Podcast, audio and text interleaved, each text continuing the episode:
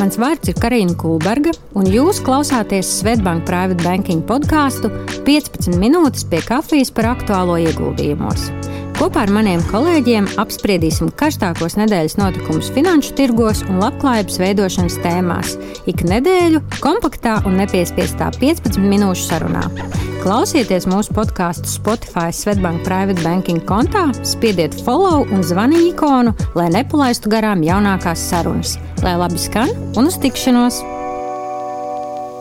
Esiet sveicināti podkāstu 25. epizodē. Esam kopā iknedēļ jau gan arī pusgada garumā. Prieks dzirdēt atsauksmes no jums, ka novērtējat to, ko mēs darām. Šodien es, Mārtiņš, esmu kopā ar vecāko privātu banķieru Ventu Riņķi. Čau, Vent! Čau! Un šodienas temats mums būs uh, ceļojuma, ceļojuma nozare un uh, atsevišķas uh, šīs nozares sektori. Uh, Eh, kāpēc mēs izvēlējāmies šo tematu? Jo ir interesanti paskatīties. Mums divu gadu atpakaļ bija Covid ar saviem ierobežojumiem. Mēs nevarējām pēc desmitiem pat iziet ārā uz ielas, kur nu vēl ceļot, jo robežas bija aizslēgtas. Un šie visi ierobežojumi ļoti ietekmēja šo nozari, eh, šīs nozares akciju cenas un kopumā uh, peļņas. Līdz ar to ir interesanti paskatīties, kā ir gājis pēc šī perioda, jau divu gadu garumā, kuras no nozarēm ir atkopušās, kuras vēl nav, kurām vēl ir pelēkie mākoņi priekšā. Un, nu, kā pamats visai ceļošanai, es teiktu, droši vien, ka avio pārvadājumi ir paši, paši nozīmīgākie. Jā. Patiesībā šogad arī ar klientiem tiekoties, varēju pārunāt daudz par viņu jaunajiem ceļojumiem, jaunajiem pozitīviem iespējām. Uh, Bet tāpat laikā bija gana daudz stāstu arī par pazaudētu bagāžu un lidojumu atcelšanu. Un kopumā tā sajūta bija tāda, ka avio nozare nebija gatava tam, ka atvesļošanās notiks tik ātri. Un, manuprāt, arī pat vietējā tirgu mēs esam, nu, vismaz es redzēju presē daudz tādu sašutumu, kad bija tās eh, lidmašīnas pārpārdotas un cilvēkiem nācās pārplānot savus ceļojumus, jo īstenībā nebija vietas. Nu jā, tieši tā. Un, liekas, tad visvairāk cieta tieši Eiropas lielākās lidostas, kas saskārās ar personāla trūkumu. Mm, bet tam arī ir kaut kāds izskaidrojums, jo, ja kravu pārvadājumi uh, skaits palika stabils arī Covid laikā, mm, tad pasažieru pārvadājumi piedzīvoja būtisku kritumu un tagad arī tikpat strauji atgūstas. Uh, tiesa 19. gada līmeņi vēl īsti nav sasniegti, un skatoties pasažieru skaitu, vislabāk atgūstas tieši zemo cenu avio kompānijas. Piemēram, Rainers pārvadāto pasažieru skaitu ir atgriezis jau 19. gada līmenī, Un Vizēram pats izdevies jau audzēt šos apjomus par 4%. Nu jā, tavs pieminētais Rainers, droši vien skatoties Eiropas reģionu, ir nu, vis, vis, vispopulārākais, un viņš arī pārvadā visvairāk pasažieru. Nu, pie mums, protams, ir mīļš Air Baltics, bet Eiropā noteikti Rainers, Rainers šie te, mm, ceļi ir daudz plašāki. Un, ja mums sanāk, droši vien, paskatīties, kā un kur viņš vada, tad droši mēs varētu sašvīkāt Eiropas karti un orientējoši tā izskatītos Rainera maršruti. Eh, Raineram ne tikai pieder šis zīmols Rainer, bet viņš ir lido arī zem zīmola Būza un Lauda. Iespējams, lidostās ir redzēti. Kopumā nu, avio kompānija ļoti, ļoti žiperīga, lido īsos maršrutos un pārvada attiecīgi daudz eh, cilvēkus. Eh, flotē ir nu, kaut kur pie, pie, pie, pie 700 lidmašīnām. Dienā veic pie 3000 lidojumus un lido uz 225 lidostām. Nu, no pasažieru viedokļa Rainers pēc Covid arī ir atguvies ļoti veiksmīgi, jo nu jau teiksim, tā, tas pārvadāto cilvēku apjoms sasniedzis nepilnus 16 miljonus septembrī, nu, pretstatā 10,6 gadu iepriekš. Un viens tāds būtisks faktors ir lidmašīna noslodze. Nu, šobrīd viņa ir 94% apmērā, pretstatā 81%, kas bija vienu gadu atpakaļ. Un, nu, un Rainers ir atgriezies arī pie peļņas. Ja kaut kādu periodu bija zaudējumi, tad šobrīd pēdējā ceturksnī 170 miljonu eiro peļņa un šīs cenas peļņas uz akciju koeficients ir 58, kas, protams, vēl joprojām ir salīdzinoši vērtējums kā dārgs, bet tajā pašā laikā nu, tā, tā peļņa un ienākumi kas ir šajā nu, aktīvā periodā, nāks droši vien pēc kāda laiciņa bilancē iekšā. Kompānijas nu, vēsture, droši vien akcijas izteiksmē bijusi pietiekami vētraina. Nu, teiksim, pirms Covid akcijas vērtība bija sasniegusi tādu ļoti augstu punktu. 125 ASV dolāri, tad viņi nokritās par 60% uz nepilniem 50 ASV dolāriem. Tad bija pēc-covid ļoti aktīvs pieaugums uz 123 ASV dolāriem, kas nu, sastādīja kaut kur nepilnīgi 150%. Un tagad šobrīd atkal redzams ir kopā ar visu tirgu kritums, bet pašai kompānijai tas ir nedaudz lielāks, tagad no augstākā punkta kritums ir 50%. Nozīmīgi arī, kad kompānijas vadītājs Olerijas iznāca pirms kāda perioda ar to no paziņojumu, kas ļoti izskanēja plaši, kad nu, lēto avio pārvadājuma laiks ir beidzies. Nu, par 10 eiro īsti aizlidot vairs nevarēsim, jo tādas cenas nav īsti vairs nodrošināmas. Nu jā, bet, nu, teiksim, ja Rainers ir līderis pēc pārvadāto pasažieru skaita, tad Luhānas grupa noteikti ir līderi Eiropā pēc flotes apjoma.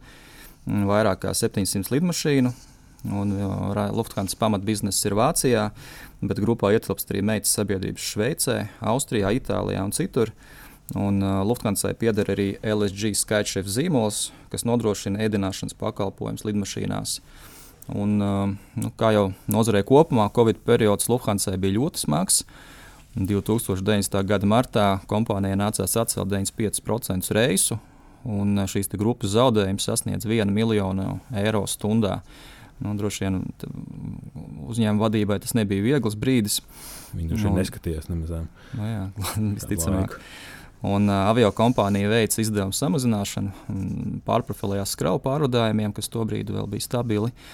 Un, bet uh, tomēr 2020. gada jūnijā avio kompānijai nācās griezties pie valdības, un uh, viņi saņēma 9 miljardu uh, atbalsta programmu uh, pret 20% dalību šajā avio sabiedrībā. Uh, Bet eh, šobrīd jau šī atbalsta programma ir slēgta, summa atmaksāta.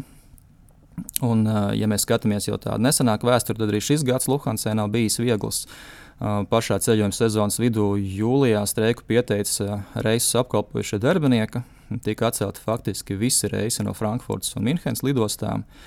Tas ietekmēja kaut kur nu, 130 tūkstošu pasažieru. Mm, septembrī streikoja arī Lufthansa piloti, prasot algas pielikumu. Tas ietekmēja atkal varētu teikt, pat lielu pasažieru skaitu. Un, uh, oktobra sākumā par vienas dienas streiku uh, paziņoja arī Lufthansa piedarošās avio kompānijas Eirovings piloti, pieprasot darba slodzes mazināšanu. Mm, tas gan ietekmē tikai Vāciju, aptuveni 30 tūkstoši pasažieru. Un, uh, tobrīd Eirovings vadība norādīja, uh, atbildot uz šo streiku, kad uh, šo prasību apmierināšana faktiski apdraud avio kompānijas dzīvotspēju un apdraud viņu pašu darba vietas. Bet, nu, neskatoties to, šonadēļ notika jau trīs dienas streiks. Un, uh, savukārt, skatoties jau ceturkšņa pārskats, tad finanses tomēr uzlabojas. Ja šī gada pirmajā ceturksnī apgrozījums bija 5,3 miljardi eiro un grupa joprojām strādā ar zaudējumiem, tad otrais ceturkšnis jau ir noslēgts ar peļņu un 8,5 miljardu eiro apgrozījumu. Uh, Un pārskatos tiek minēts par jaunu lidmašīnu iegādi, kā arī uzņēmums ir saņēmis jaunu finansējumu likviditātes nodrošināšanai.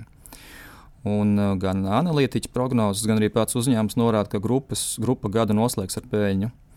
Un vēl pirmdien Bloomberg lasīja, ka saglabājoties spēcīgam pieprasījumam, Lufthansa gada plāno noslēgt ar peļņu pirms nodokļiem procentiem 1 miljardu eiro apmērā. Nu, tas ir krietni virs tā, kas bija iepriekš prognozēts. Un, uh, turpmākos gadus paredzams, ka apgrozījums atgriezīsies pie pirmspandēmijas līmeņiem. Jau faktiski arī jau tagad uzņēmums strādā kaut kur 80% līmenī no tā, kas bija 19. gadā. Un skatoties jau Lufthansa akciju cenu, tad tā nav spējusi atgūties un šobrīd atrodas pat nedaudz zemāk par 20. gadu līmeņiem.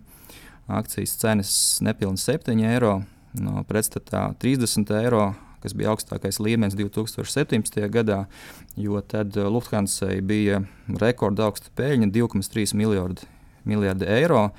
Un šis uh, cenas uh, un ienākuma PI rādītājs sasniedz 6, kas ir nu, ļoti zems. Bet nu, kopumā tad, laikam, investori joprojām īsti nav atguvuši uzticību šai avio kompānijai. Nu, pilnīgi pamatoti. Nozara arī nav pilnīgi atgūsies pamatoti. Nu, ASV skatoties, es teiktu, diezgan līdzīga tā situācija. Redzama, tur gan vēl arī papildus elementi nāk klāt, tādas lietas kā vētras, kas diezgan būtiski ietekmē avio nozari. Bet nu, tendences, pat teiktu, būtu ļoti tuvu šīm divām kompānijām. Nu, priekšā avio sabiedrībām nav viegli laiki, jo ir tie izaicinājumi pretvēji ir diezgan lieli. Nu jā, jāatzīst, ka pašas avio kompānijas ir ļoti pozitīvi noskaņotas par turpmāko attīstību. Un, teiksim, tā pati ASV sabiedrība Delta Airlines ir paziņojusi par 100 jaunu Boeing lidmašīnu iegādi, kā arī 12 no Airbus. Bet nu, droši vien, ka tās tuvākās problēmas būs degvielas cenas. Nu, arī nu, viens jau droši vien ir no veidiem, kā viņi cīnās un efektīvākas lidmašīnas nopērk.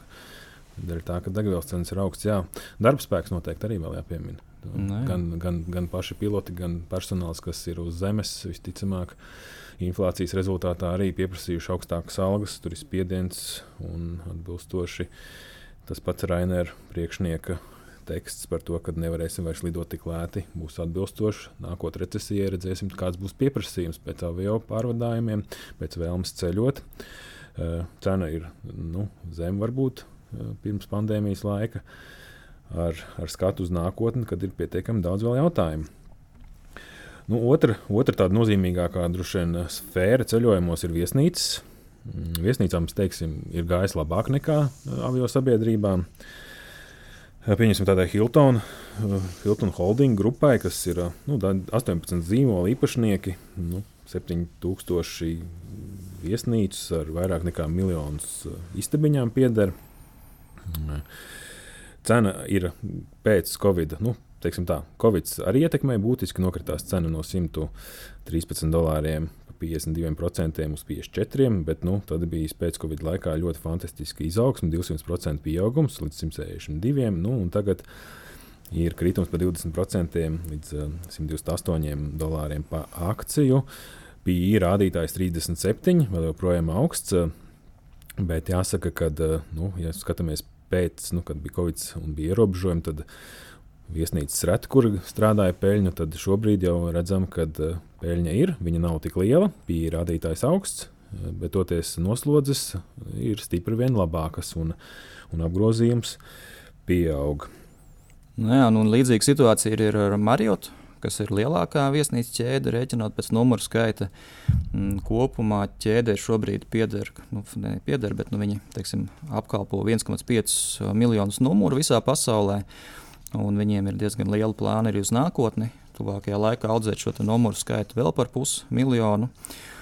Un viesnīcas ķēdē pieder 30 zīmoli. Nu, tas, ko mēs zinām, droši vien ir Marriott, Rītas Carlton, Sheraton, Courtyard un arī daudz citi. Darbojas ap 130 valstīm. Šīs viesnīcas ir arī Latvijā zem AC hotela zīmola, ir viesnīca. Un uh, Marjota ir ļoti sena vēsture. Uh, pēc pāris gadiem atzīmēs simt gadu jubileju. Un interesants fakts par Marjotu, kad viņi bija pirmie, kas piedāvāja rezervāciju veikt tiešsaistē. Tas notika 1995. gadā. Un, uh, sākoties Covid laikiem, arī Marjotas uh, akciju cena zaudēja kaut kur divas trešdaļas no vērtības 3-4 mēnešu laikā. Un šobrīd cena ir atgriezusies pirms pandēmijas līmenī, un viens akcijas cena atkal ir ap 150 dolāriem. Pie šīs cenas un peļņas attiecības 28, kas nav, kopumā nav tik slikti. Šogad akcija kritus par 9%, kas arī pret tirgu kopumā nav slikts rādītājs. Un, nu, droši vien to straujo akcijas vērtības atgūšanos lielā mērā var izskaidrot ar to, ka jau 21. gadā nogalē Marija spēja atgūt ienesīgumu uz viesu numuru 80% apmērā no tā, kas viņam bija 19. gadā, un uh, gadu noslēdza stabilu peļņu. Un, uh, Šī gada otrā ceturkšņa pārskatās jau tiek minēts, ka šis gads tiks noslēgts jau ar augstāku līmeni, kāds bija 19. gadā, un ASV pat pārsniegts. Tāpat laikā akcijas viesnīcu ķēdēm, kas bāzētas Eiropā, tikai daļēji atguvās, atguvās no šī Covid laika, bet tagad jau atkal piedzīvo lejupslīdi. Nu, tāpat kā jau sabiedrības, jā, tur šim reģionam arī ir jāņem vērā, ka ir konflikts, karš Ukrajinā. Tas arī dara savu iespēju. Un, jā, energoresursu cenas arī visticamāk pacels izmaksas, un, un arī būs peļņas, varbūt šīs maržas samazinātas pašām viesnīcām šī reģionā. Bet eh, labā ziņā, kad eh, lielās ķēdes ir pa visu pasauli, diversifikācija, ne visi reģioni ir skarti un ne visos reģionos ir vien, eh, tik, tik liela izaicinājuma kā Eiropā. Nu, pieskarsimies vēl pēdējam tādam lielam sektoram, Booking.com, Airbnb, TripAdvisor. Tāds viens no konkurentiem droši vien šīm lielajām viesnīcām. Nu, gan, gan konkurents, gan arī palīdz viņiem. Booking.com, protams, ir rezervācijas platforma, tāda virtuālā lielā ceļojuma aģentūra, pasaulē lielākā. Ļoti daudz darījumu tiek rezervēti. Šajā platformā norientējoši kaut kur līdz 15% viņi par šo tādu starpniecības pakalpojumu paņem. Ļoti tāds labs biznesa modelis. Ir vēlme cilvēkiem palikt kaut kur, un ir vietas, kuras vēlas izīrēt viņiem. Tad, attiecīgi, ir pareizā vieta, kur to var izdarīt. Akcijas cena pēc Covid booking.com ir bijusi arī tikpat izaicinoša. Droši vien tā tendence tāda pati, kad uh, bija kāpums, nu, pareizāk sakot, uh, Covid laika. Kritums par 44% no 2000 ASV dolāriem uz 1157, un tad 133% pieaugums. Nu, šobrīd ir tāds mērens, mērens kritums kas ir līdz ar tirgu nedaudz lielāks, 34% kritums akcijas vērtībā līdz 1773 ASV dolāriem. Tas ir par, par šo kompāniju. Nu, PII rādītājs 47 arī, arī liels, bet nu, jāsaka, ka šīm kompānijām nav liela kapitāla ieguldījuma. Nu, tie ir kā viesnīcām vai avio sabiedrībām. Nu jā, teiksim, no tevis minētajām kompānijām, tad mans kā, pirmā izvēle ir Airbnb. Jo ceļot ar četru cilvēku teiksim, ģimeni, novērtēja iespēju, kad var izīrēt dzīvokli, visu dzīvokli vai māju. Un uh, Airbnb ir pieejami 4 miljoni īpašumu, ko es varu teiksim, tiešsaistē iznomāt pa visu pasauli. Uh, par pašu Airbnb uzņēmums ir dibinā, dibināts 2008. gadā. To dibināja divi klases biedri ar domu, ka vienā no dzīvokļu istabām novietos pāris piepūšamos matračus un izīrēs istabu kā bed and breakfast. Nu, tā arī faktiski radās sākotnējais uzņēmuma nosaukums Airbed and Breakfast, ko vēlāk saīsināja uz Airbnb. Bet šis uzņēmums akcijas sākotnējo emisiju veica pavisam nesen, 2020. gada decembrī. Jāatzīst, ka tas bija ļoti neveiksmīgs brīdis, kad par ceļošanu domāja retais. Un iespējams, tādēļ arī viņi IPO cenu noteica ļoti piesardzīgi, 68 dolāri par akciju bet investoru vērtējums bija krietni augstāks. Jau pirmajā tirzniecības dienā biržā akcijas cenas teiksim, uzlidoja līdz 165 dolāriem. Dienu noslēdz ar 145 dolāriem, kas bija 112% pieaugums dienas laikā.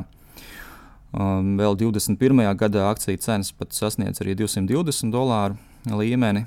IPO cenas nu, nekad nav nokritusi. Uh, Un šogad kritums, kā jau tehnoloģija nozarē kopumā, ir 30%. Akcijas cena šobrīd ir ap 116 dolāriem. Un šis PI, jeb cenas ienākumu attiecība ir ap 60, kas nu, tehnoloģija nozarē varbūt nemaz nav tik augsta kopumā. Redzēsim, kā tas tālāk attīstīsies. Jācer, ka nebūs nekāda nepatīkama pārsteiguma jauniem covid paveidiem un šai nozarei veiksies. Protams, nozare šī tikai viena no sektoriem. Mēs varētu pieminēt nezinu, autonomas, šos pašus prāmjus, avio ražotājus, kas visi ir iespaidoti no, nu, no rezultātu. Viņam atkarīgi ir nu, praktiski tikai no ceļotājiem. Viņa vēlmes šobrīd redzam, ka vēlme ir liela, cilvēki daudz brauc. Nu, redzēsim, kā, cik ilgi. Un kā recesijas kaut kāds gaids, un vai recesija iestāsies, iespaidos šo visu mūsu nozari. Teikšu tev, Vent, paldies, paldies, ka klausījāties, un kaut kādos nākamos podkāstos noteikti vēl apstīsimies šīs papildus tēmas. Paldies, uzredzi! Atā. Audio saturā dzirdētā informācija nav uzskatāms par ieguldījumu konsultāciju vai ieteikumu slēgt finanšu tirgus darījumus vai ieguldīt finanšu instrumentos. Paldies, ka noklausījāties mūsu sarunu šodien. Atgādinu, ka, lai nenokavētu jaunākās epizodes, spiediet follow un zvaniņu ikonu Spotify kontā Svetbank Private Banking, lai laba diena un uz drīzu tikšanos!